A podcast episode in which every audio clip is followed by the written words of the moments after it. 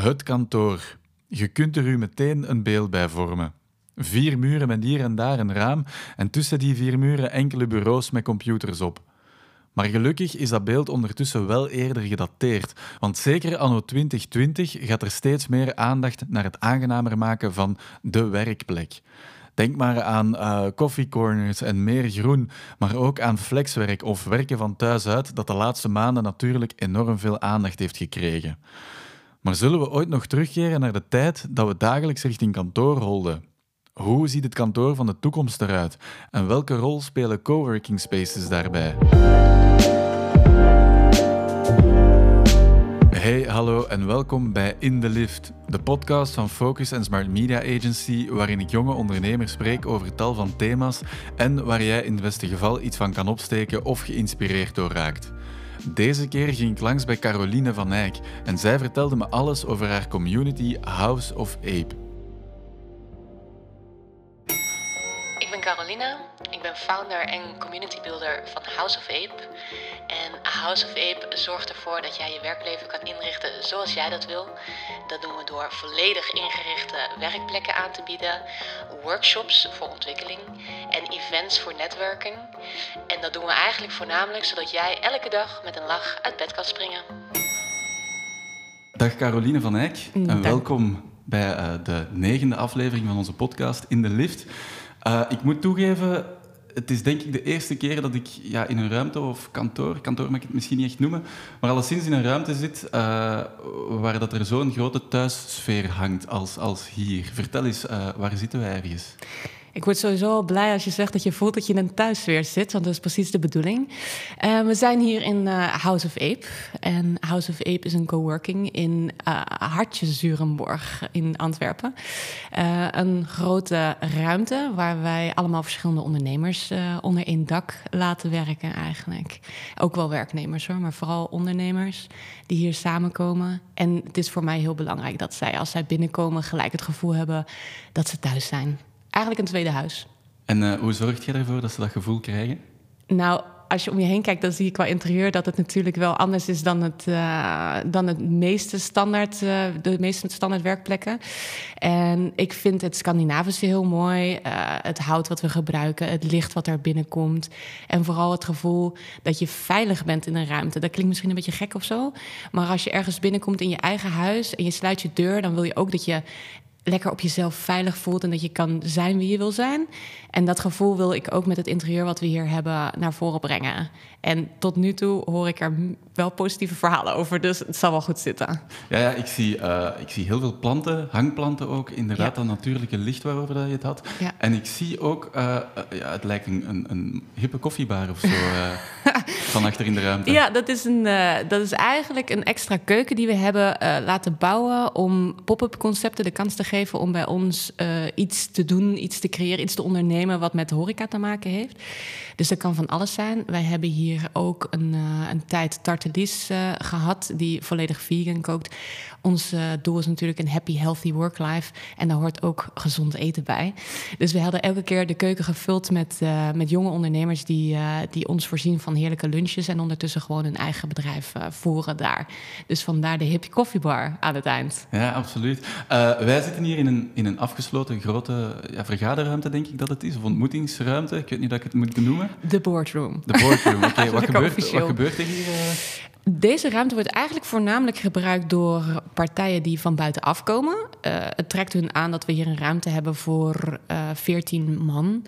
En de faciliteiten hebben om hier serieuze vergaderingen te houden. Maar ook workshops te kunnen geven of kleine eventjes. De tafels kunnen ook uit elkaar.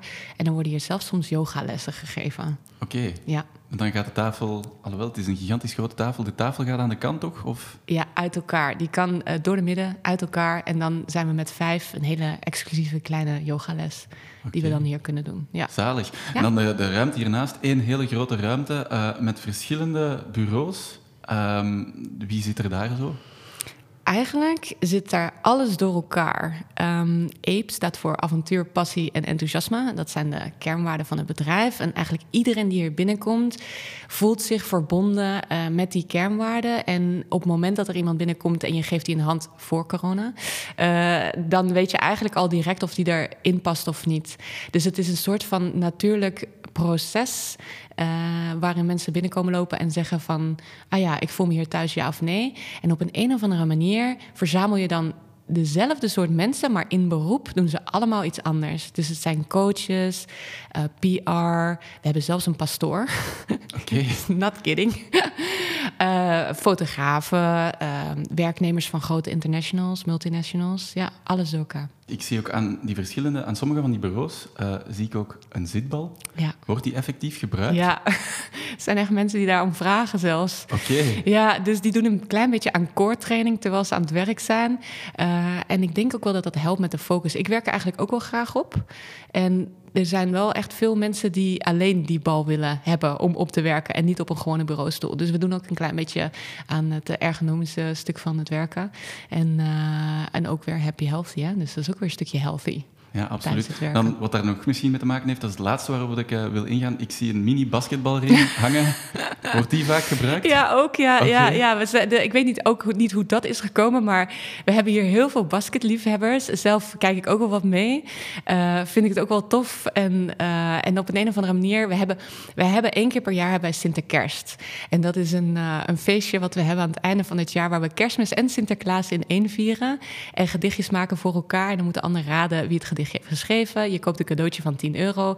En vervolgens, uh, uh, ja, dan, uh, dan, heb je gewoon een hele gezellige avond. En, en dat is een van de cadeautjes die is achtergebleven. Waarvan iedereen zei, die mag niet naar huis, die moet hier, die moet hier. Dus dat hebben we ook gedaan. En we hebben die hele avond natuurlijk basket gespeeld hier in de coworking. Leuk, leuk. Algemeen denk ik wel dat ik kan zeggen dat er hier een leuke sfeer hangt. Ik hoop het. Ik denk het ook.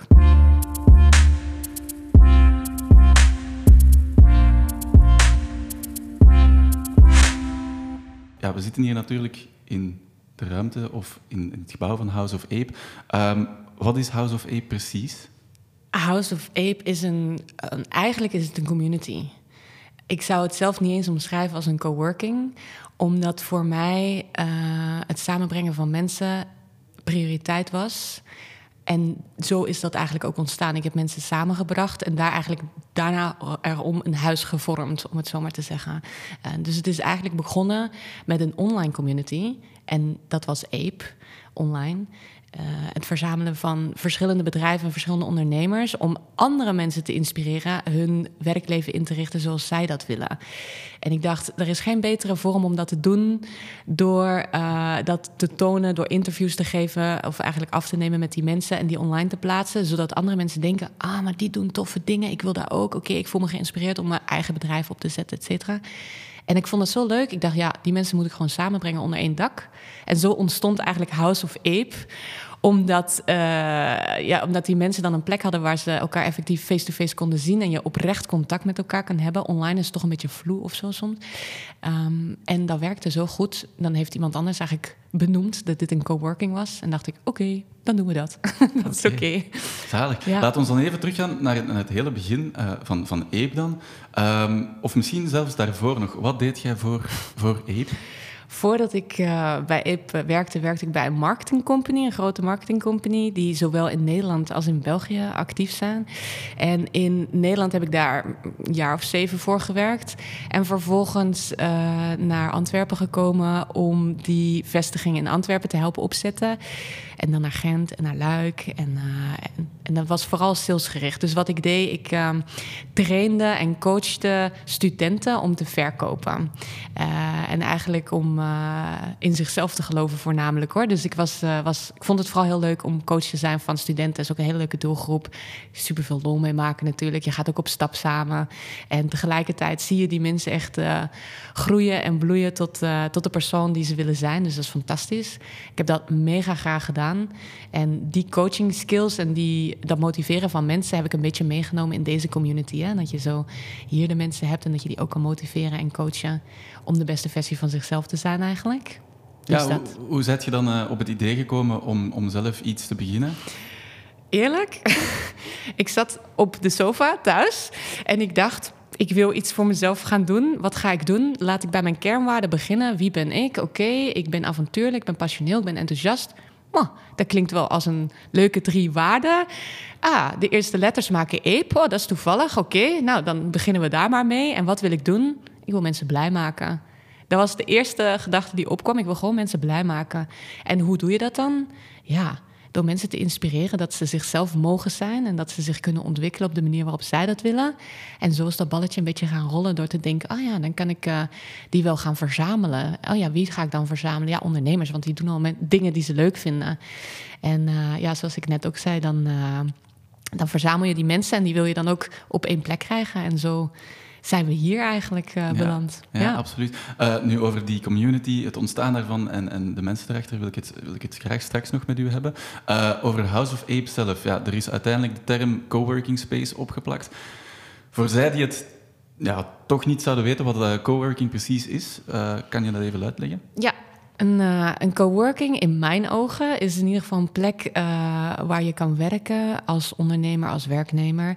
Uh, waar je samenkomt met andere ondernemers en werknemers. En waar je eigenlijk een kantoor hebt buiten je eigen kantoor of buiten het kantoor wat je thuis eigenlijk zou kunnen hebben, zeker in deze tijden, om geïnspireerd aan de werk te gaan. Ik denk dat dat stukje wel heel belangrijk is. Dat je voelt dat je collega's hebt, welke niet je collega's zijn. Wat een voordeel is, want dan wordt er niet over je geroddeld. Dus dat is misschien wel positief. Uh, maar waar je toch een koffiezetmomentje mee hebt. Dat je even aan het koffiezetapparaat kan staan, vragen hoe de dag was. Ook zelfs gewoon vrienden kan maken op de werkvloer. En uh, voor mij is het een tweede thuis waar je, waar je werkt. Voor mij zou dat een coworking moeten zijn. Oké. Ja, we hoorden daarnet al wat voor, uh, een beetje wat voor beroepen dat hier allemaal, allemaal zitten. Zijn dat vooral mensen die um, een onderneming oprichten? Of zijn het ook veel mensen die, die ja, al een onderneming hebben, maar dan hier komen werken?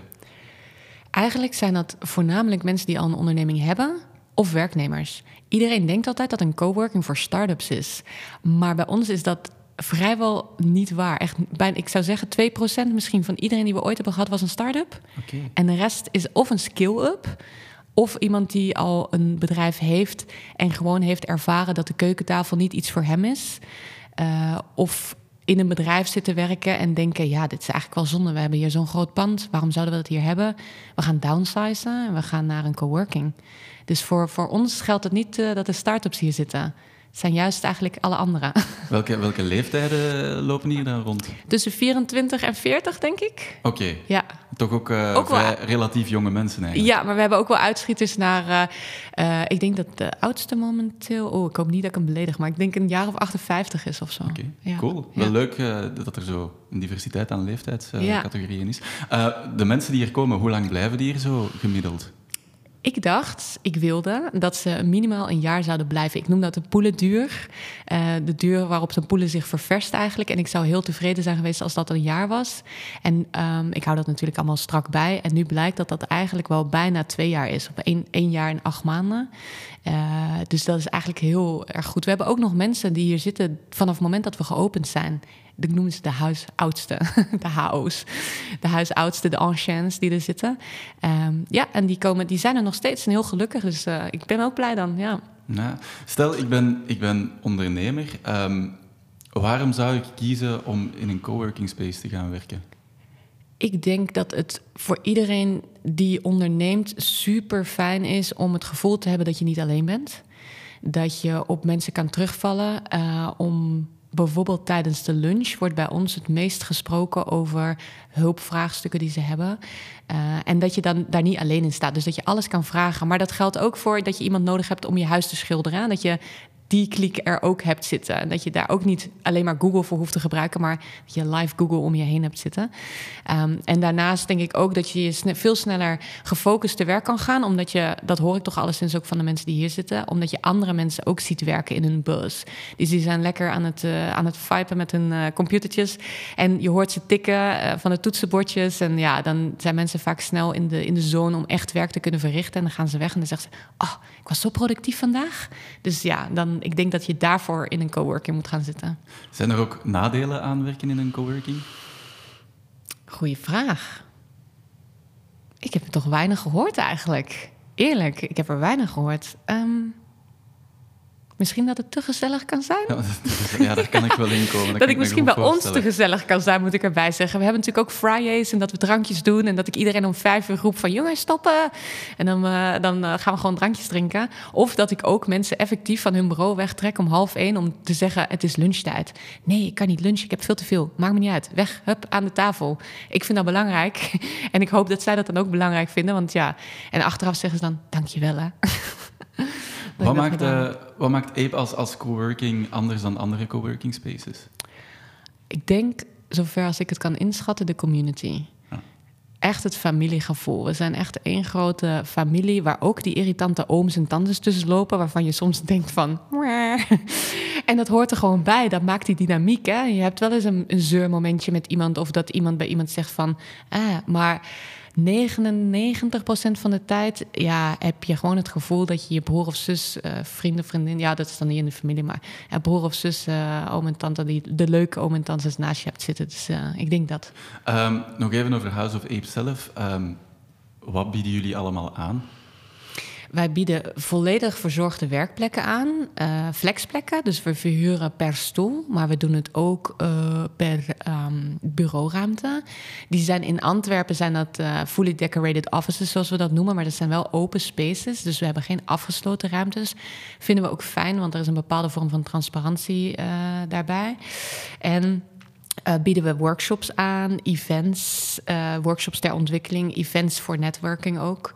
En een klein beetje een stukje wat we nu aan het uitbreiden zijn, zijn vacatures. Die we van de bedrijven waarmee we samenwerken online plaatsen, als we daarin geloven, in het bedrijf en in de vacature. Dat we een handje helpen om die de wereld in te zetten en dat de juiste mensen daarop afkomen. Oké, leuk. Eh, ja, een coworking natuurlijk. Mensen komen samen. We leven nu in tijden van een pandemie, de coronacrisis. Heeft dat een grote impact gehad op jullie hier? Enorm. Ja? Enorm. Ja, dat was echt. eh, ik denk dat we daar het kaf van het koren konden scheiden tussen wie echt in de familie zat en wie niet. Laten we daar gewoon mee beginnen. Want je hebt dus echt mensen die uh, kosten wat het kost wilden blijven. En dat kon gewoon niet. Ik, ik, dat mocht niet. Dus die moest ik hier weghalen of weghouden. En dat was heel leuk om te zien natuurlijk. Maar aan de andere kant ook weer niet. Uh, want ja, je wil die mensen gewoon een plek uh, geven.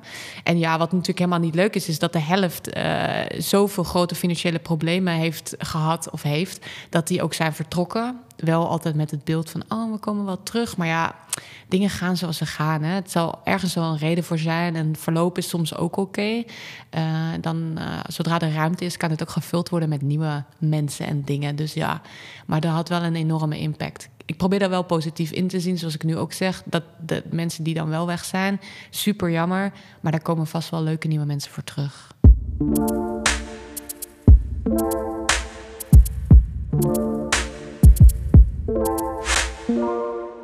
Caroline, dan zijn we uh, gekomen bij de korte vragenronde. Ik ga u uh, enkele korte vragen afschieten, afvuren, afvuren oh op u. Uh, en je mocht daar proberen op te antwoorden. Okay. Je bent van Nederland, dat kunnen we niet onder stoelen of banken steken natuurlijk. Um, wat mist je het meest aan Nederland en de Nederlanders? Oh, wat erg. um, ik mis het meest de wegen waar je normaal op kan rijden. um, de directheid. Uh, dat er niet om de pot gedraaid wordt, maar dat je gewoon kan zeggen en dat niemand je raar aankijkt als je direct en eerlijk bent. Um, weet je wat ik echt ook mis? De, uh, als, als je gaat eten, uit eten gaat, de gezelligheid van de serveersters, de serveerders die dan komen. Hallo, wat kan ik voor je doen? En heel gezellig. En dat in tegenstelling tot hier, dan krijg je een minuutje voor je neus en zeg. Dat is ook zo. Ja, we gaan al jaren naar Nederland altijd en we verschieten ook altijd van de vriendelijkheid en de spontaniteit ook van de, van de Nederlanders. Misschien is dat het woord wat ik mis, spontaniteit. Ik denk dat je daar echt de spijker op zijn kop hebt geslagen. Dat is wat ik mis, de spontaniteit. Ja, um, ja dat dus.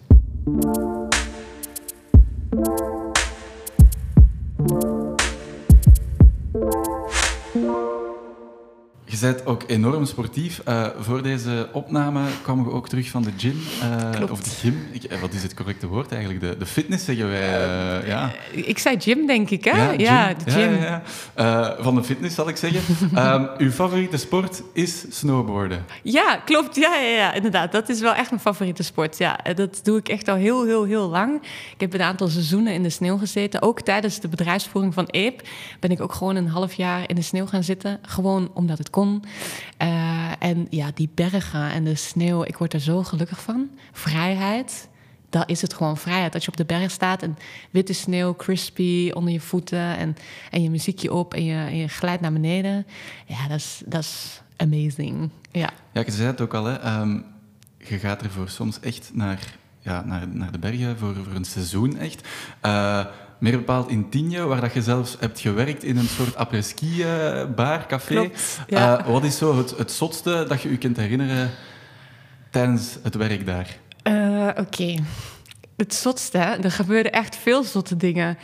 Um, maar misschien wel een van. Ik heb gelijk een flashback van iemand die tijdens de middag. Het uh, waren een groep Engelsen die daar uh, aan het apres-skiën waren. In een Nederlandse apres-ski-bar, moet ik erbij zeggen. Dat is wel grappig.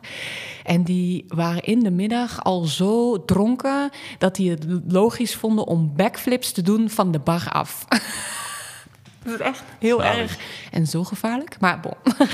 Alles goed gekomen? Alles goed gekomen. Ze, bleven, ze hadden wel hun helmen op en, uh, en, uh, en body armor hadden ze ook aan. Ik denk dat ze ergens wel beseften dat het heel gevaarlijk was wat ze deden.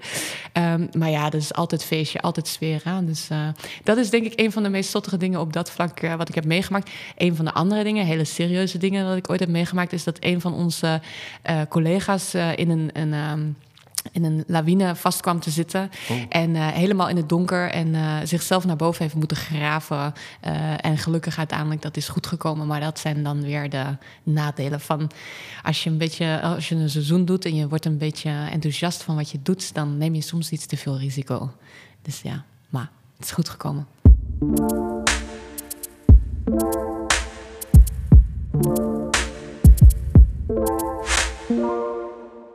Naast uh, sporten is ja, gezonde voeding ook heel belangrijk voor u. Um, waarom is dat zo belangrijk? Omdat voor mij heb ik, ik heb echt gemerkt dat als ik gezond eet, en dan praat ik voornamelijk over de groenteinname. Ik bedoel, ik eet ook gewoon een visje en een vleesje af en toe. Ik ben niet uh, per se vegan of zo, maar ik zou zelf zeggen dat ik voornamelijk plant-based eet. Um, omdat ik merk dat ik als ondernemer of het leven wat ik heb met alle sport die ik doe, de mensen die ik zie, het werk wat ik uitoefen, veel beter kan focussen en s'avonds ook een stuk uitgeruster uh, naar bed ga. Dat klinkt misschien een beetje raar, maar een paar jaar geleden was dat wel heel anders. En ik heb echt mijn routine moeten aanpassen door zelfs middags kleine 26 minuten slaapjes te doen. Om te leren ontspannen. En daarbij kwam gezond eten om de hoek kijken. En toen, ja, dat was gewoon een match. En ik merkte dat ik daar zo gelukkig van werd. dacht ik, ja, dan blijven we dat doen, hè? Is gewoon een uh, no-brainer. Is dat dan ook iets wat jullie hier uh, aanbieden? Ja, ja, dus inderdaad die leuke koffiebar waar je het over had. Als daar iemand in uh, aan het koken is, dan is het altijd gezonde voeding. Dus ofwel plant-based, ofwel vegan, ofwel uh, vegetarisch. Uh, maar in ieder geval geen gefrituurde vette happen. het kan heel breed zijn hoor, wat je natuurlijk onder gezonde, gezonde voeding verstaat. Dat is natuurlijk per persoon en per lichaam verschillend. Um, maar wat wij hier proberen aan te bieden, of de samenwerking hebben die we met mensen hebben, dat dat wel met mensen is die ook geloven in een gezond levensstijl, gezond lichaam.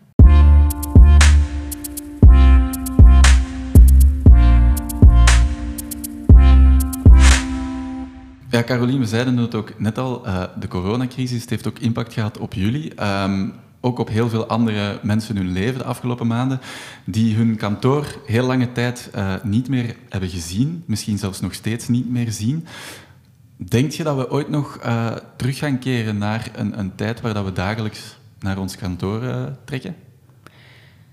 Als je praat over het kantoor in een coworking, denk ik dat dat wel de toekomst gaat zijn ik denk dat België het heel hard nodig had om uh, te leren wat het was om eerst thuis te werken.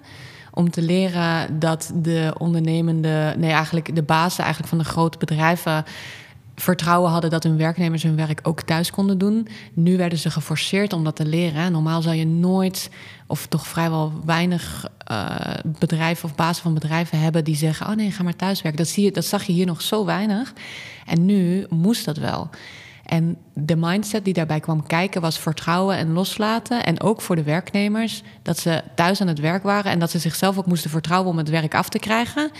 En nu gaat dat heel eventjes duren. Ik denk wel dat dat nog zeker een half jaar duurt voordat die mensen ook zeggen: eh, thuiswerken is eigenlijk ook niet zo productief. Ik wil toch weer ergens naartoe. En dat ze dan naar een coworking gaan komen. Ik denk niet dat dat voor nu is, maar. En ook als het vaccin er is. In combinatie met. Maar ik denk dat ze dan wel terug gaan, gaan naar een plek waar ze kunnen werken, maar niet per se meer een hoofdkantoor of het kantoor. En waarom niet? Omdat ik denk dat ze de vrijheid die ze hebben ervaren nu om het zelf te kunnen regelen en het gevoel die verantwoordelijkheid te krijgen ook en die te mogen dragen en ook uit te kunnen voeren veel te belangrijk is. Als mens zijnde vind je het fantastisch als je de dingen voor elkaar kan krijgen op jezelf en uh, dat je baas dan alsnog trots op je is en, en je hebt bijvoorbeeld je KPI's behaald of je doelen behaald die je hebt afgesproken en je hebt dat gedaan niet onder de vleugel in het hoofdkantoor waar die elke vijf minuten micromanagement deed. Ja, dan dan word je wel blij als mens, denk ik. Dus vandaar. Hm, maar is het als, als ondernemer wel belangrijk om een vast of een hoofdkantoor te hebben, wel nog steeds? Als ondernemer of als werknemer? Laat ons voor allebei uh, invullen. We zullen beginnen met als ondernemer.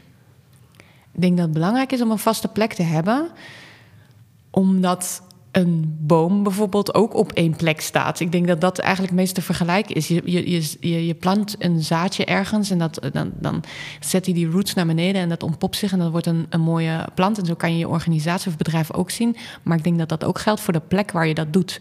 Want de, de soil waar je zoiets plaatst, dat is natuurlijk ook essentieel voor hoe snel of hoe mooi dat plantje groeit. Hè? Dus ik denk ook wel dat als je dat op een plek doet waar je dus fijn en veilig voelt, dat jouw organisatie, onderneming veel veel sneller kan groeien. Als je de hele tijd wisselt van plek, ja, dan ben je eigenlijk je zaadje uit de grond aan het halen en elke keer naar een ander plekje aan het stoppen. Zo denk ik dat ik het meer zie. Oké, en, en als werknemer dan? Misschien toch ook gewoon hetzelfde verhaal. Als ik er nu over nadenk, ik denk dat ik dat hetzelfde ervaar. Want ondanks dat het misschien niet zijn of haar onderneming is, de, de job die die uitvoert, ik mag hopen dat ze zoveel passie hebben voor hetgeen wat ze doet, dat ze zich wel heel erg betrokken voelen bij het bedrijf en misschien ook wel gewoon fans zijn van het bedrijf waarin ze werken. En dat ze ook dan wel graag mee willen helpen om dat plantje te doen laten groeien. En dat gaat ook niet als zij natuurlijk telkens ergens anders uh, willen zijn of zo. Dus ik denk nee, hetzelfde antwoord. Oké, ehm, ja, als we het hebben over, over eh, de ene keer op kantoor gaan werken, de andere keer op een coworking of, of thuis of uh, in een koffiebar of zo je moet daar wel flexibel voor zijn, denk ik ook. Zowel als ondernemer of als, um, als, als werknemer. Um, wordt flexibiliteit misschien een, een skill die echt nodig gaat zijn in de toekomst voor zowel jonge ondernemers als werknemers? Goeie vraag. Ik denk dat ondernemers en werknemers van, van, zich eigen, van hun eigen heel goed moeten weten wat ze willen in het leven. En hun persoonlijke missie misschien wel goed voor ogen kunnen hebben om dat pad te kunnen blijven volgen. En dan maakt het eigenlijk niet meer zoveel uit uh, wat daar omheen gebeurt. En ik denk wel dat flexibiliteit daarvoor nodig is. Maar dan misschien meer resilience of zo. Veerbaarheid. Uh, dat als er iets gebeurt wat niet handig was, wat niet bijdraagt aan het naartoe werken naar hun doel, dat ze dan kunnen terugbouncen. Flexibiliteit, lastig. Want ik denk dat ze flexibel moeten zijn, je dan ook meer in dienst staat van wat de ander van je vraagt. En dat is maar net of je daaraan wil voldoen, ja of nee. Of je die verantwoordelijkheid uh, wil delen met die persoon om, om iets te gaan doen. En dat je flexibel bent om je eigen weg te willen aanpassen of zo. Ik denk dat dat misschien is waarom ik het woord flexibiliteit een beetje lastig vind of zo. Ik zou eerder resilience zeggen. Ja, oké, begrijp ik. Uh, coworking spaces zijn voor u de kantoren van de toekomst. Als we dan kijken naar de indeling van, van zo'n ruimte, uh, ook bijvoorbeeld de ruimtes hier, ik denk, we hebben het ook al wat kunnen horen, heel huiselijk, maar je hebt daar wel echt over nagedacht volgens mij ook. Klopt dat? Ja, dat klopt. Ja, ik uh, vind het superleuk om uh, ruimtes in te richten. Om ze mooi en warm en gezellig in te richten. Maar het moet natuurlijk ook super praktisch zijn. En zeker als je kijkt naar een coworking, dan heb je een plek nodig waar je mensen kan neerzetten om die flexibele werkplekken te kunnen aanbieden. Maar ook ruimtes waar mensen zich kunnen afzonderen voor dus bijvoorbeeld een vergadering. Maar ook een, uh, een belletje te kunnen doen of een Skype of Zoom gesprek tegenwoordig uh, te kunnen voeren. En hier heb ik er wel voor gekozen om veel ruimtes ook open te houden omdat ja, mensen over het algemeen, zeker als ze nieuw ergens zijn, wil je graag verstoppen. Wil je, ergens in een hoekje zit. Je ziet het ook als mensen binnenkomen, dat ze altijd een plekje uitkiezen die dan zo net niet in het zicht is, omdat het dan nog spannend is. Dat is eigenlijk wel schattig. En, ehm, en ja, ik denk hoe eerder je jezelf soort van bloot geeft of openstelt voor de rest, hoe eerder je kan beginnen aan een duurzame, oprechte relatie te creëren met de andere coworkers hier. Dus dat heeft een echt enorm voordeel dat dat open ruimtes zijn. Daar heb ik wel echt zo over nagedacht. Ja, die oprechte relaties creëren, de interieur, het interieur en de ruimtes moesten dat ondersteunen. Oké, heb je dan ook echt rekening gehouden ehm, dat je de ruimtes zodanig inrichten dat ze een productieve werkomgeving vormen? Ja, ik denk dat dat meer te maken heeft met het, de, het lichtinval. Dus de natuurlijke lichtinval en de planten die eromheen zijn. Omdat het ook wel bewezen is natuurlijk dat dat een bepaald effect heeft op de manier waarop je werkt. En ook de afwisseling van, de, van het, zit, wat, het zitgebeuren wat ze kunnen gebruiken. Of wel een bal wel een stoel. Ze kunnen ook uh, een stoel op tafel zetten. Zodat ze dan eigenlijk ook gewoon staand kunnen werken. Um, ja, en ze mogen daar zelf ook creatief in zijn. Hè? Ik ben niet de alwetende die het zegt van je moet het alleen maar op die manier doen dit is ook hun huis. Dus zij mogen daar ook gewoon verzinnen hoe ze dat willen doen. Je haalt bijvoorbeeld de natuurlijke lichtinval uh, aan. Wat, wat doet dat dan precies met, met werknemers? Nou, ik denk met mensen in het algemeen dat lichtinval, natuurlijk lichtinval, dat je daar uh, heel gelukkig van wordt. Dat je voelt dat je. Ik denk dat het komt omdat je voelt dat je er mag zijn of zo. Omdat er letterlijk een lichtje op je straalt. Zo van. Ha, klinkt bijna een beetje goddelijk, maar. De, dat, je, dat je voelt dat het fijn is dat je, dat je ergens zit te werken. En als dat licht dan, dan binnenkomt, dat is toch veel uh, productiever en energieker. Je krijgt ook energie in van zonlicht en vitamine die erin zit natuurlijk. Dus ja, ik denk dat dat zeker een positieve invloed heeft. Maar op iedereen, hè? niet alleen op ondernemers of werknemers, sowieso. Ja, absoluut, absoluut. Nu, uh, coworking is, zoals we daar straks ook zeiden, het is enorm in trek bij millennials. De categorie, leeftijdscategorie die er zit, is ook 24 tot, tot 40 jaar. Daar zitten zeker millennials onder. Flexibiliteit is ook belangrijk, hebben we het ook over gehad. Uh, en een nood ook van veel millennials. En er zijn zo nog wel een paar zaken waar de millennial uh, echt wel belang aan hecht. Uh, ik denk bijvoorbeeld aan een gezonde en, en, plezante levensstijl. Hebben we het ook al over gehad hier. Is hier ook uh, absoluut aanwezig. En het is ook belangrijk dat ze die kunnen, kunnen doortrekken op het werk. Um, en heel wat bedrijven, waaronder jullie, spelen eigenlijk in op die noden. En nog een mooi voorbeeld van zo'n bedrijf is BD Benelux. Uh, dat is een medisch-technologisch bedrijf. En zij zetten echt hard in op alle noden van, van millennials en werknemers. Zo creëren zij bijvoorbeeld uh, incentives om, om werknemers echt aan te moedigen om met de fiets of het, of het openbaar vervoer of zo naar het werk te komen. Zij bieden ook uh, gezonde voeding aan in hun, in hun restaurant. Er is een fitness aanwezig. en zij proberen ook, dus net zoals hier eigenlijk, een, een zo huiselijk mogelijke sfeer te, te creëren.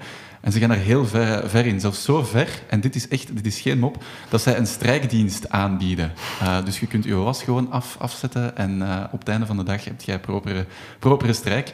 Uh, maar verder ook bijvoorbeeld ja, het investeren in een, in een heel chic koffieapparaat werkt absoluut. Is dat volgens u, Caroline, een, een goede manier om uw kantoor wat werkvriendelijker te maken, al die dingen?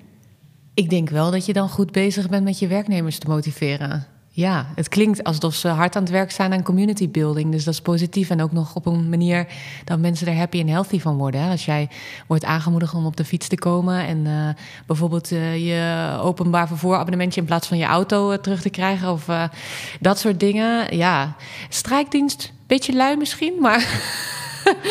misschien met z'n allen gewoon strijken als werknemer. Elke ochtend even je hemdje doen samen. Dat is misschien nog meer community gevoel. Ja, maar voor de rest, nee, nee. Ik denk wel dat dat al een hele goede stap uh, in de richting is van uh, het welzijn van je werknemer vooraan zetten. Het investeren in, uh, in het goede koffieapparaat was blijkbaar een van de beste investeringen dat het bedrijf de afgelopen maanden, denk ik, heeft gedaan. Omdat het blijkbaar inderdaad echt de werknemers samenbracht en, en, en zorgde voor dat communitygevoel. Is dat hier ook zo? Ja, ik wou eigenlijk net zeggen, is dat omdat het zo'n uh, duur apparaat is dat het super lekkere koffie is, is? Of is dat omdat alle mensen dan om dat apparaat komen staan? Uh, ik denk dat het ging om de latte macchiato die het apparaat kon maken. Dus het zal voornamelijk om de koffie gaan, ja. Gesprekstof. Gesprekstof over de koffie. Ja, uh, ja nou, ik moet wel zeggen dat ik al vanaf het prille begin van, uh, van House of Ape... wel altijd heb geroepen, wij hebben verse bonenkoffie. Um, maar nu, dat apparaat is ook wel een paar keer al vervangen... en of stuk gegaan tussendoor. en dan hebben we ook gewoon good old-fashioned filterkoffie eventjes aangeboden. Ik moet zeggen, de meeste mensen die hier zitten... die vinden eigenlijk alles prima. In het begin denken ze dat ze bepaalde dingen heel belangrijk vinden, zoals dus bonenkoffie of uh, gefilterd water, wat we ook hebben. Maar uiteindelijk, ja, maakt, zolang je maar dat babbeltje kan doen bij dat koffiezetapparaat, dan zit je wel goed. Oké. Ehm, hoe zorgt jij ervoor dat, uh, dat uw ruimtes hier mee evolueren met de, de noden van uw mensen die hier zitten? Wij lunchen eigenlijk altijd samen rond een uurtje of half één, één uur. En dan komen die noden van die mensen ook altijd heel makkelijk naar boven. Die uh, voelen zich uh, uh, zo fijn en veilig dat ze wel echt durven te zeggen wat ze willen en waar ze nood aan hebben. En, en ze geven dan tips en tricks. En ja, dat probeer ik altijd wel mee te nemen om, om daaraan te voldoen. Bijvoorbeeld heel simpel een, um, een ideeënjar of zo. Ook hierin dat we zeggen, nou ja, misschien moeten we een pot neerzetten waar iedereen zijn ideeën kan doen en dat ik er af en toe eentje uit kan halen.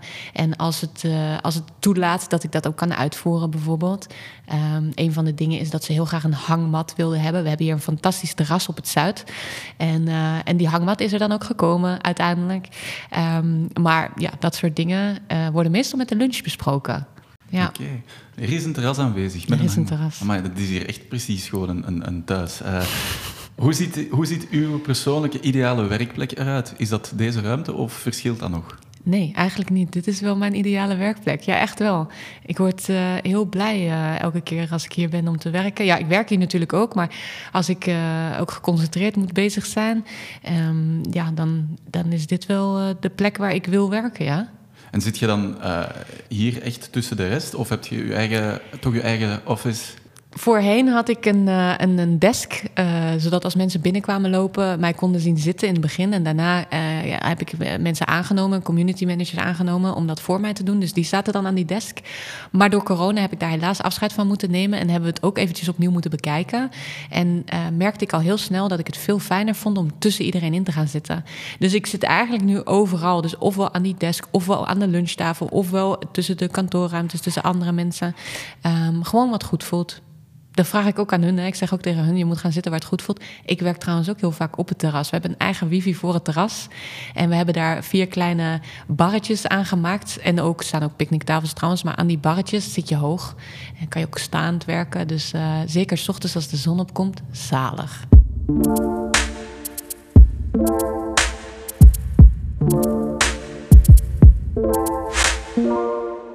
We zijn gekomen bij onze rubriek Tech and Tools. Uh, Caroline, je mocht uw gsm erbij nemen, want ik wil heel graag van u te weten komen welke apps uw leven als ondernemer of als mens zijnde dagelijks uh, ja, iets efficiënter of gemakkelijker laten verlopen. Is er zo ene waar dat je echt niet zonder kunt? Ik zie u al meteen ja knikken.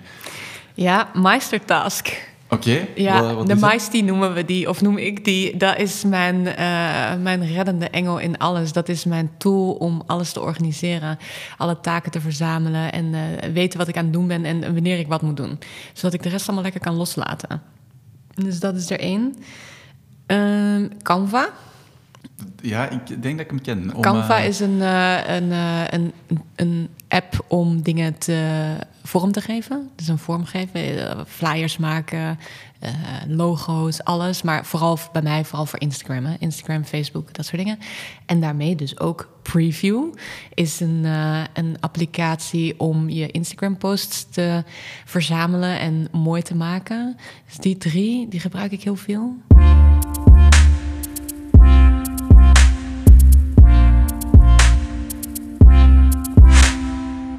Caroline, je zei daar straks al. Um, House of Ape is deel van Ape. En Ape is een, een community eigenlijk die uh, samenhangt voor, door de waarden avontuur, passie en, uh, en enthousiasme. Uh, waarom zijn die drie waarden de waarden die jij gekozen hebt als kernwaarden voor de community die Ape is? Eigenlijk heel simpel, omdat dat mijn kernwaarden zijn. En omdat ik het bedrijf in de eerste instantie heb opgericht en ik dan ook het bedrijf of in ieder geval was. We zijn nu misschien wat groter, dat het bedrijf ben ik inmiddels niet meer. Hè? Maar als je een bedrijf begint, ben jij het bedrijf. Dus geen beter begin dan bij jezelf. En, uh, en zo ontstond het ook dat ik ging nadenken over, ja, wie ben ik? Wat zijn mijn kernwaarden? Wil ik die gebruiken? Ja. En zo is dat eigenlijk de rode draad geworden binnen Ape. In alles wat we doen stem ik altijd af of het avontuurlijk genoeg is, of het passioneel is en of het enthousiast is. Zowel met de mensen als de producten, als de diensten, als de samenwerkingen, de leveranciers. Iedereen moet daar in een vorm of mate wel mee connecteren of resoneren of zo. Hm. Ja, je hebt dan op een bepaald moment beslist: oké, ik ga een community oprichten rond die kernwaarden. Maar hoe begint je daar dan in godsnaam concreet aan? Goeie vraag. Gewoon te doen. Maar echt, hè? volgens mij, en dat is denk ik alles wat ik in mijn leven doe, is gewoon doen. De eerste stap zetten. Concreet, wat ik nu echt super concreet zou bedenken, is dat ik mijn telefoon erbij heb gepakt, de notities heb geopend, mijn kernwaarde heb opgeschreven, gerealiseerd dat daar ape onder elkaar stond, dan bedacht, uh, wat wil ik daar dan mee doen? Ja, ik wil mensen blij maken. Oké, hoe ga ik dat dan doen? Echt gewoon wie, wat, hoe, waar, waarom onder elkaar gezet, uitgevoerd. En dan dacht ik, oké, let's go. En zet jij dan mensen beginnen opbellen, rondzoeken, Facebooken, Instagrammen? Ja, uh... ik denk inderdaad. Ja, ik denk in het begin ben ik echt inderdaad iedereen in mijn eigen netwerk gaan opzoeken die al ondernemer was. En die, daar ben ik naartoe gegaan, zowel in Vlaanderen als in Nederland. Uh, met mijn camera en, uh, en, en mijn telefoon of opnameapparatuurtje. Um, om die te interviewen. Om gewoon met hun te gaan praten over wat, wat voor hun ondernemen is. En hoe zij erin staan als ondernemer. Ik had natuurlijk wel een bepaalde structuur. En vervolgens maakte ik daar een, een interview van online. En kon ik die plaatsen op de website. En Ape is ook begonnen eigenlijk als een online platform waar ik dat allemaal op verzamelde. En gaandeweg kwam dan ook het idee van, oh, maar het is misschien wel leuker om die mensen ook onder één dak te brengen. Dus dat was dan de volgende stap. Maar ja, eigenlijk wel. Ja. Cool. Hoe zit dat nu dan? Uh, zoekt jij zelf nog altijd mensen op of komen mensen ondertussen wel naar hier of naar Ape zelf? Vanaf het moment dat we geopend zijn, uh, kwam het wel een beetje. Nou, zeker niet vanzelf, maar het vloeide wel deze kant op. En hoe langer je bestaat, hoe meer mensen je kennen, hoe meer mensen een kijkje komen nemen. En ik krijg nu wel, uh, denk ik, uh, wat zal het zijn, drie aanvragen of zo per week om eens een kijkje te komen nemen. Dat wil niet zeggen dat ze allemaal oprecht geïnteresseerd zijn, want voor corona kon ik wel met alle eerlijkheid zeggen dat iedereen die kwam kijken en testen, dat we 90% konden houden. Dus dat was super hoog. Mensen die kwamen testen, die bleven over het algemeen en nu voelen ze dat ze keuzes hebben. En er zijn natuurlijk ook veel meer spelers op de markt inmiddels die ook hele andere dingen aanbieden. Dus nu is het een beetje shoppen hmm. wat ze doen. Hmm. Hoe, uh, hoe onderhoud je zo'n community? Aandacht. Heel veel aandacht. En dan bedoel ik eigenlijk ook de aandacht die uh, als je denkt aan je eigen familie, mama, papa, zus, broer, maakt niet uit. Daar heb je bepaalde gesprekken mee. Die zijn anders dan je, je hebt met je collega's op de werkvloer. Hè? Als jij oprecht geïnteresseerd bent in mensen, ook wel in hun werk, maar ook in hun privé, als ze dat zouden willen delen natuurlijk. Ik denk dat dat de kern is om je community goed te onderhouden, goed te luisteren naar hun noden als mens en niet alleen als bedrijf. En zeker in een bedrijf gaat het er altijd om om maar geld te maken en meer geld en meer geld. Terwijl in mijn perceptie werk ik altijd met mensen en ik werk niet met bedrijven. Misschien dat dat nog wel een keer uh, um, niet zo positief voor me gaat uitdraaien, omdat ik dan niet multimiljonair kan worden. Maar zo so be it, weet je. Ik heb liever dat ik oprechte relaties uh, met mensen kan opbouwen, dan dat ik in mijn eentje met superveel geld in een uh, pretpark zit. Hmm, ja, dat, dat, van, dat menselijke, dat komt inderdaad ook echt veel, veel terug op jullie website. Want uh, ik denk dat er, als ik het goed heb, dat er op de site staat um, dat je met mensen werkt die diezelfde waarden hebben en niet die in dezelfde sector of branche zitten. Dus je trekt eigenlijk heel, heel menselijk. Hè? Ja. Waarom is dat zo belangrijk, dat menselijke? Omdat ik echt denk dat je door dat menselijke alleen maar oprechte relaties kan creëren en elkaar echt kan begrijpen en helpen. En uiteindelijk um, denk ik dat we hier zijn om te leren en te ontwikkelen, maar vervolgens dat ook hetgeen wat je hebt geleerd en hebt ontwikkeld te delen met andere mensen.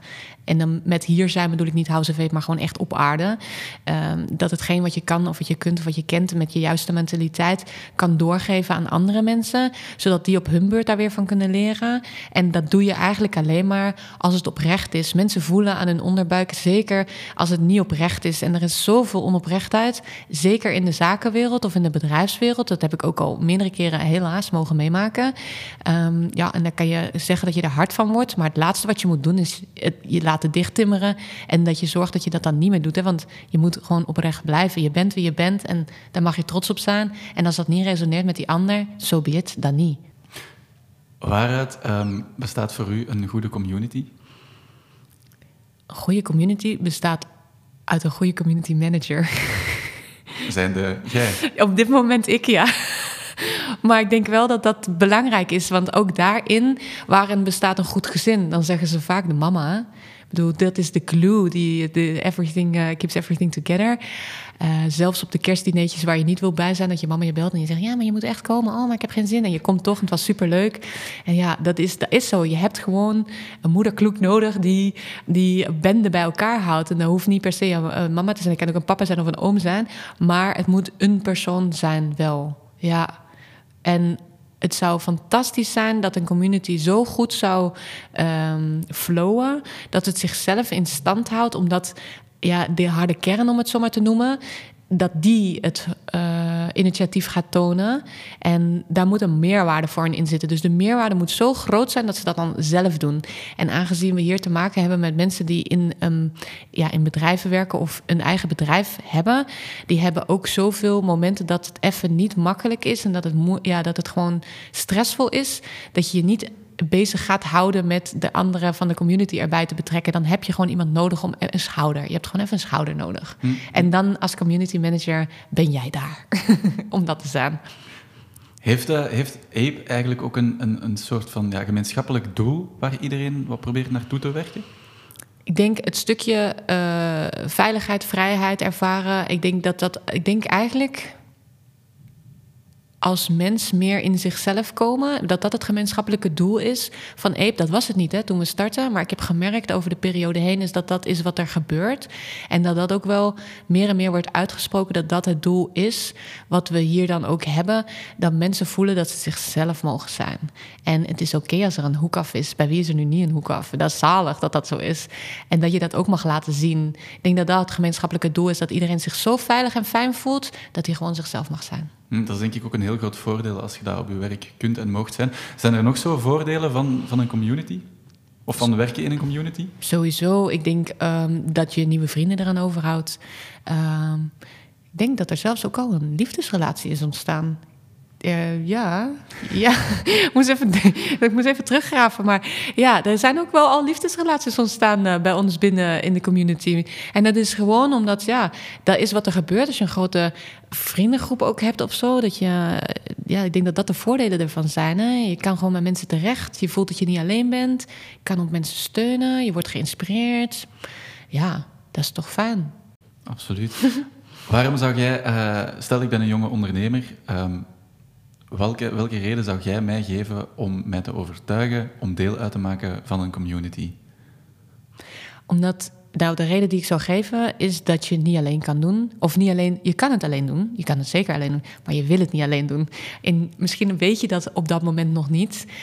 Um, maar op het moment dat je mij misschien een week de tijd geef dat ik jou hier een gratis werkplekje aanbied, want dat doe ik met iedereen eigenlijk. Iedereen krijgt een gratis testweek.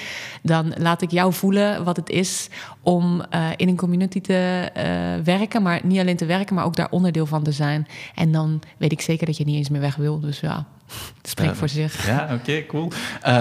Kunt je, zijn er voorbeelden van succesverhalen die hier ontstaan zijn doordat mensen van verschillende bedrijven ineens begonnen samenwerken? We hebben inderdaad echt bedrijven die met elkaar gaan samen. Eigenlijk gebeurt dat heel regelmatig hoor, dat ze elkaar inschakelen. Al is het maar van uh, ook een coach uh, die dan iemand hier gaat coachen ineens. We hebben ook een, een member die heeft haar eigen retreat in Portugal. Um, en ook heel veel mensen hier ze doen daar al samenwerkingen mee. We hebben ook een PR-bureau zitten die voor onze ja, andere members heel veel PR uitvoert. Maar ja, er zijn ook bedrijven die zijn doorgegroeid omdat ze hier hebben gezeten. Hè? Omdat het gewoon supergoed ging. En dat dit als springplank werd gebruikt voor de volgende stapje. Ja, dan, dat, in de eerste instantie denk je altijd, oh, want die gaan nou weg. Maar dat is natuurlijk fantastisch. Want ja, je bent mega trots op die mensen dat dat zo is gelopen. Dus er zijn zeker veel succesverhalen. Ja. Ja, wat doet dat met u? Ja, daar word ik trots van. Vooral trots. En denk ook wel. Um, een stukje, daar word ik ook warm van van binnen, maar ook een, een, stukje rust of zo. Want dat is toch waar je het uiteindelijk voor doet. Hoe dubbel dat ook klinkt, want wat ik net ook zei, je wil ook geld verdienen en je wil ook gewoon dat die plekken gevuld zijn. En als die mensen dan allemaal weggaan omdat ze de volgende stap ingaan, in het begin was dat moeilijk om dat verschil te kunnen zien. Maar ik voel het nu zo hard dat ik altijd denk van ja, doe maar, ga maar. Want ook daarmee weer, als er ruimte is, dan kan het ook pas dan ingevuld worden door weer een nieuwe partij. Dus ja, daar is ook, uh, ik word er trots van. Hoe zou jij um, Ape of House of Ape, of allebei, graag nog zien groeien in de toekomst? Ik denk dat ik het nu op dit moment er zijn al heel veel pistes afgewandeld. Ik heb al heel veel pistes afgewandeld. Ik wilde eerst uh, heel veel vestigingen erbij. Ik wilde van alles doen. Ik wilde vooral veel te, veel te veel en veel te snel. Zit een beetje in mijn karakter, denk mm. ik. En nu, door een aantal passen op de plaats te maken, zie ik Ape vooral groeien als een community, uh, grotendeels ook online. Een stukje uh, workshops, dat we meer kunnen gaan uitbreiden. En dat het uh, workspace, ehm, ik zou niet zeggen ondergeschikt wordt, helemaal niet. Maar gewoon ook een onderdeel van is. Maar niet meer het grote gezicht van House of Ape meer de bedoeling dat we gaan groeien als een community. En dat mensen dus ook niet meer zeggen, ah, dat is die coworking, hè? Maar dat ze dan echt gaan zeggen op termijn van, ah, dat is die community, hè? En dat zou ik wel fijn vinden om daar eerst naartoe te gaan. Oké, duidelijke vooruitzichten of doelen. Um, wat zou jij graag als, als ondernemer nog uh, willen bereiken? Ik heb wel veel plannen. Ik heb veel passies en veel plannen. Ik zou nog willen bereiken um, dat ik elke dag, net als wat ik van iedereen uh, graag zou willen zien, elke dag uit bed spring om uh, aan de slag te willen gaan. Er gebeurt al veel, maar ik merk ook wel dat het altijd, ik blijf ontwikkelen, ik blijf zoeken. Ik weet waar mijn passies liggen. En, uh, en een van mijn passies is echt interieur en, uh, en decorating. En ik denk wel dat ik als ondernemer daar nog echt iets in wil doen. En ook iets met huizen en zo. Ja, ruimtes inrichten, fantastisch maken. En dat veilige gevoel wat ik iedereen hier kan bieden, aan iedereen kan bieden die een huis zoekt bijvoorbeeld. Hè, dat hij die deur open doet en dan zegt, wow, dit is mijn nieuwe huis. Dat lijkt mij zalig. Dat zou ik als ondernemer nog echt wel willen gaan doen.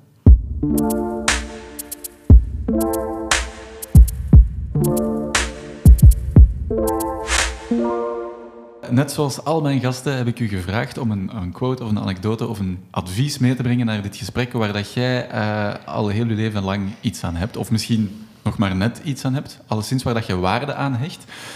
De rangen die, want ik zie je rondkijken, de rangen er hier uh, inderdaad een, een, paar op. Is het een van die die dat je hebt uitgekozen? Nee, nee ik zat te kijken of je ertussen hing. Maar uh, nee, mijn, mijn quote, die ik echt al heel, heel, heel lang gebruik, is: Luck is an attitude. En ik geloof daar uh, heel erg in. Heel veel mensen die kunnen zo tegen andere mensen en ook wel tegen mij uh, zeggen van... ah, maar jou komt het allemaal aanwaaien. Ja, niks is minder waar. Hè? Het komt me echt niet aanwaaien. Maar omdat ik toevallig een glimlach op mijn gezicht kan houden op de momenten dat het zwaar is, komt het je ineens aanwaaien.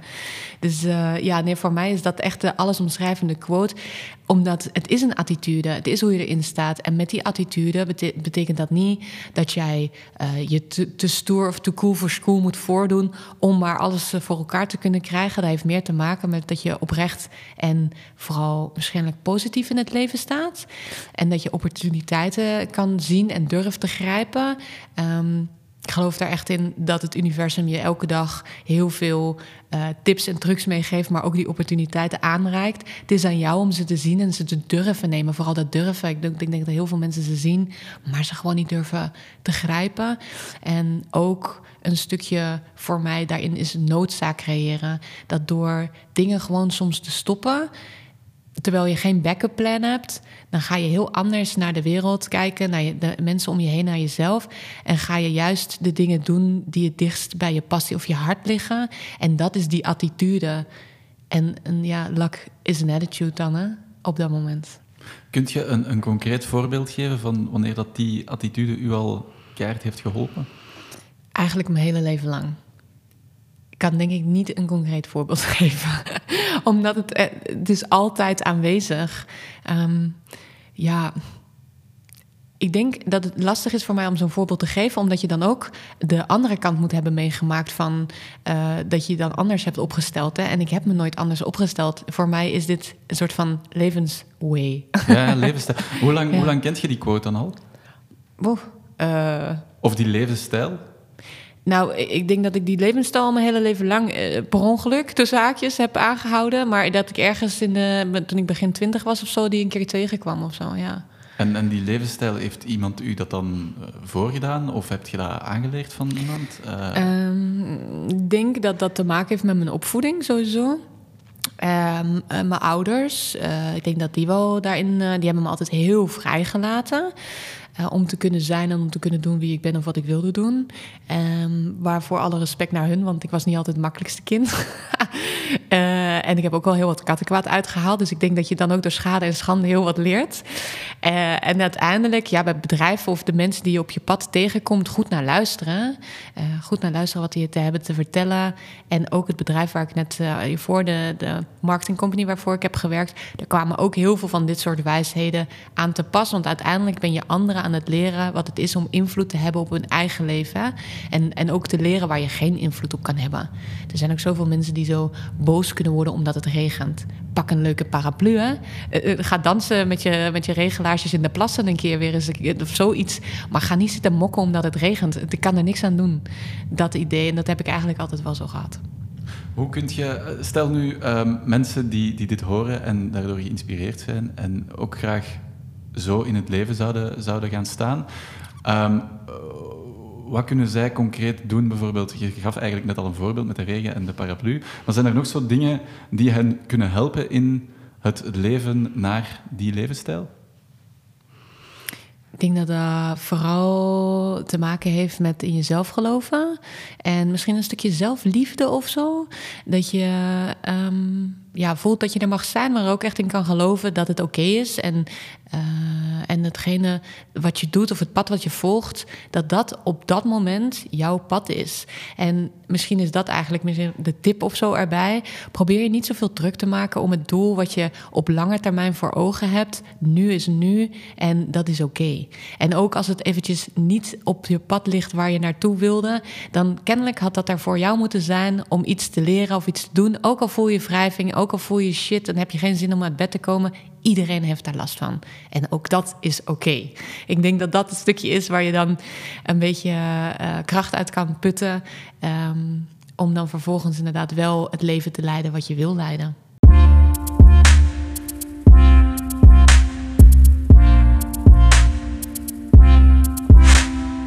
De aflevering zit er bijna op. Het begint hier ook stilaan ja, toch vol te lopen, ook al is het rustig.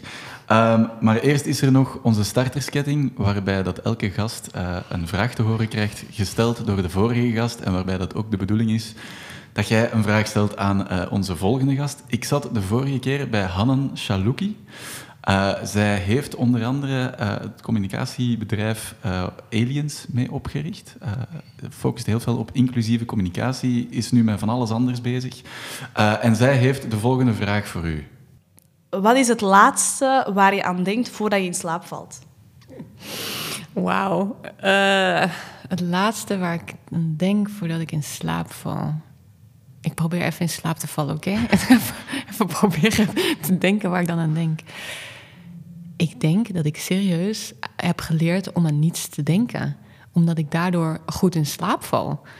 Zodra ik mijn bed instap en ik zet mijn wekker, ik leg mijn hoofd op de kussen, dan ga ik in een soort van, dat gaat heel raar klinken, maar in een soort van een doodshouding liggen, zoals je een doodskist ligt. En dan voel ik letterlijk de energie wegzakken en dan was het. En dan ben ik in slaap. Ik droom wel heel veel, maar ik heb geen gedachten voordat ik in slaap val. Is, is dat zelfs mogelijk om aan niets te denken?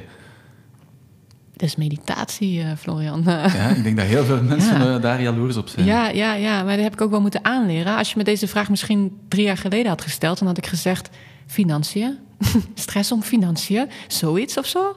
Maar nu nee. En, en hoe hebt u dan, dan aangeleerd? Is dat echt meditatie? Ja, en stretching en uh, slaapjes tussen de middag om drie uur. Iedereen lachte me daar hiervoor uit dat ik dan om drie uur naar huis ging om 26 minuten exact even op bed te liggen in die doodshouding. oh my god.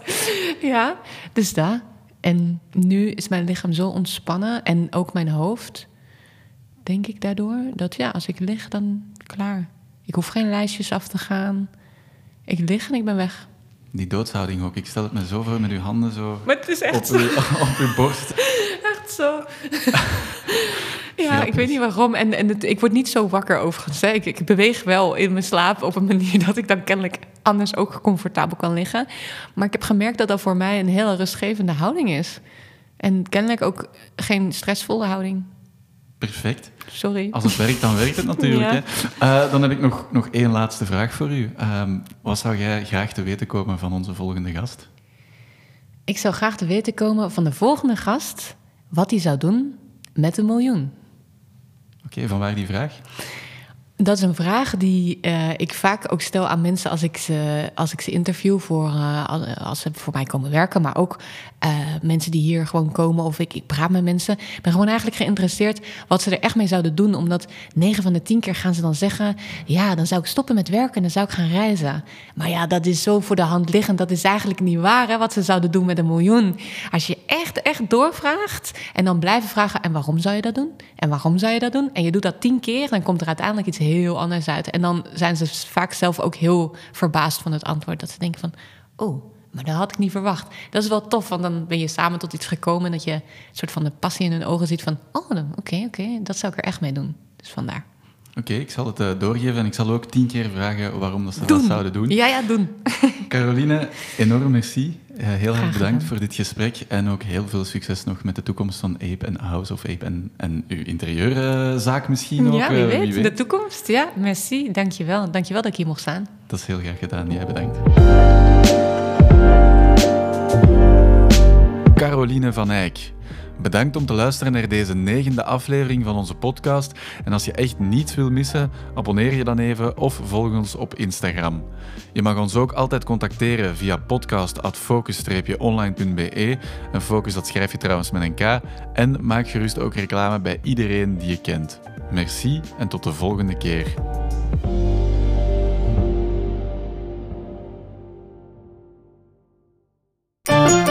Bij BNP Paribas Fortis bouwen we samen met u aan een positieve toekomst. Om uw eigen zaak te starten, te groeien en uw ideeën om te zetten in succes. Samen uw plannen tot leven brengen. Ook dat is positive banking. BNP Paribas Fortis, de bank voor een wereld in verandering.